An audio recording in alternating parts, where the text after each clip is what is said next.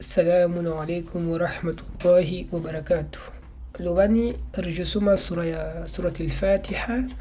Du coup, il sura ya handa harbam saf. C'est pas, c'est pas la première sourate qui était descendue. C'est dans, dans le Coran, c'est la première sourate. Et il y a sept versets dessus. Voilà.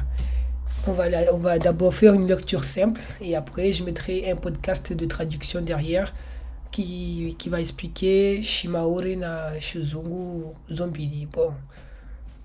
Mais après, voilà, on verra.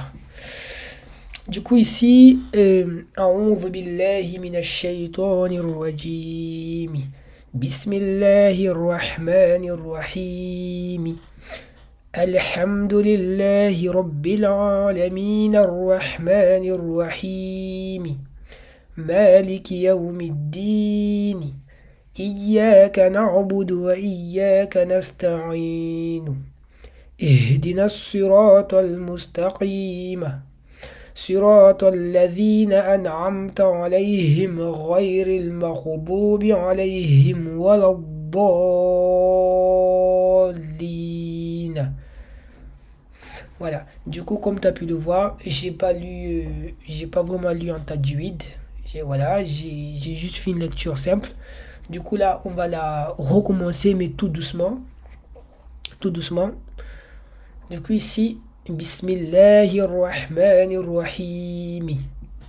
Alhamdulillahi Rabbil Alamin. Ar-Rahmanir-Rahim. مالك يوم الدين إياك نعبد وإياك نستعين اهدنا الصراط المستقيم صراط الذين أنعمت عليهم غير المغضوب عليهم ولا الضالين Voilà. Comme tu as pu le voir, à chaque fois, j'ai essayé de terminer les.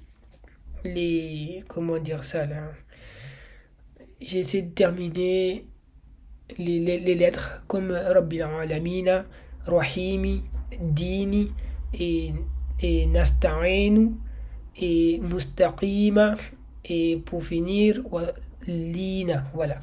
Du coup, c'est très important et de lire, de comme ça en fait. Voilà, tout simplement. Du coup, on se retrouve pour le prochain podcast. Inch'Allah ta'ala. Portez-vous bien. Salam alaikum. Euzu billahi mineşşeytanirracim. Lobanir Josuma Suratul Fatiha. Yani Surah Yahanra. Il y a sept versets dessus. Du coup, ici Nissi Somarabouzi normal. Après, Rizi Tafsir. Comme je, je vais te l'envoyer dans mes prochains euh, podcasts. Ou Ouami je trompe. Tu vois, traduction, louha sawa, interprétation tisawa. Tout je trompe. Voilà. Du coup, أعوذ بالله من الشيطان الرجيم. بسم الله الرحمن الرحيم.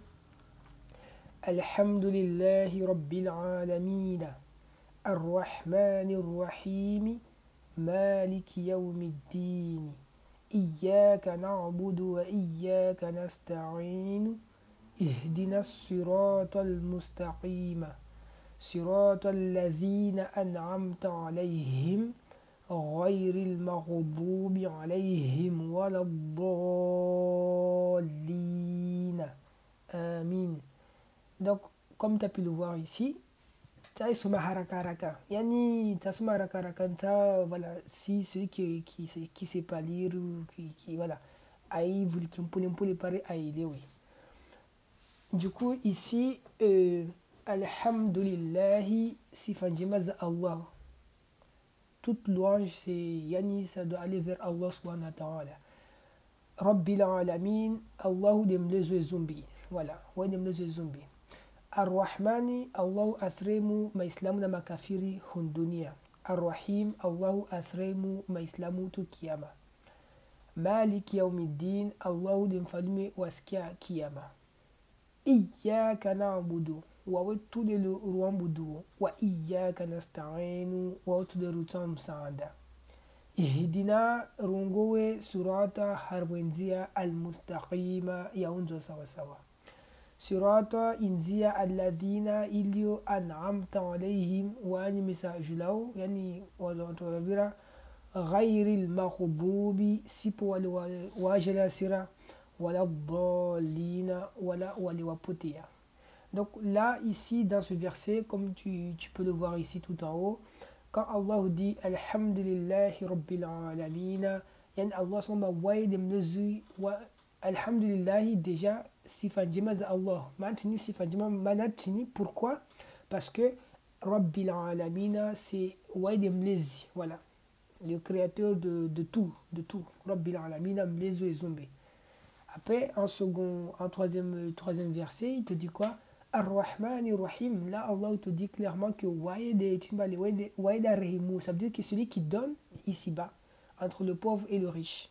Voilà. Et après, il te dit que Ar-Rahim, donc ça veut dire que le jour de Qiyam, donc le jour de, la résurrection, il va récompenser que, on va dire, les croyants. Voilà.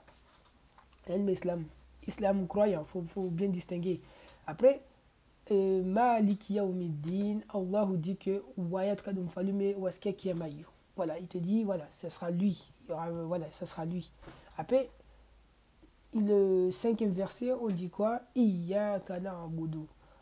Hao tout le monde est roi boudou. Ça veut dire que là, quand on lit cette sourate, on dit Allah que normalement, c'est que toi que je dois euh, t'adorer. Voilà. Là, on dit, tout le monde boudou. Après, tu dis, wa iyaka nasta'inu. C'est-à-dire, ça veut dire que si jamais demain tu as des soucis, etc., des soucis de la vie, tout ça, normalement, le, la logique, vu que nous sommes croyants, tout ça, nous devons nous, nous rediriger vers Allah subhanahu wa ta'ala.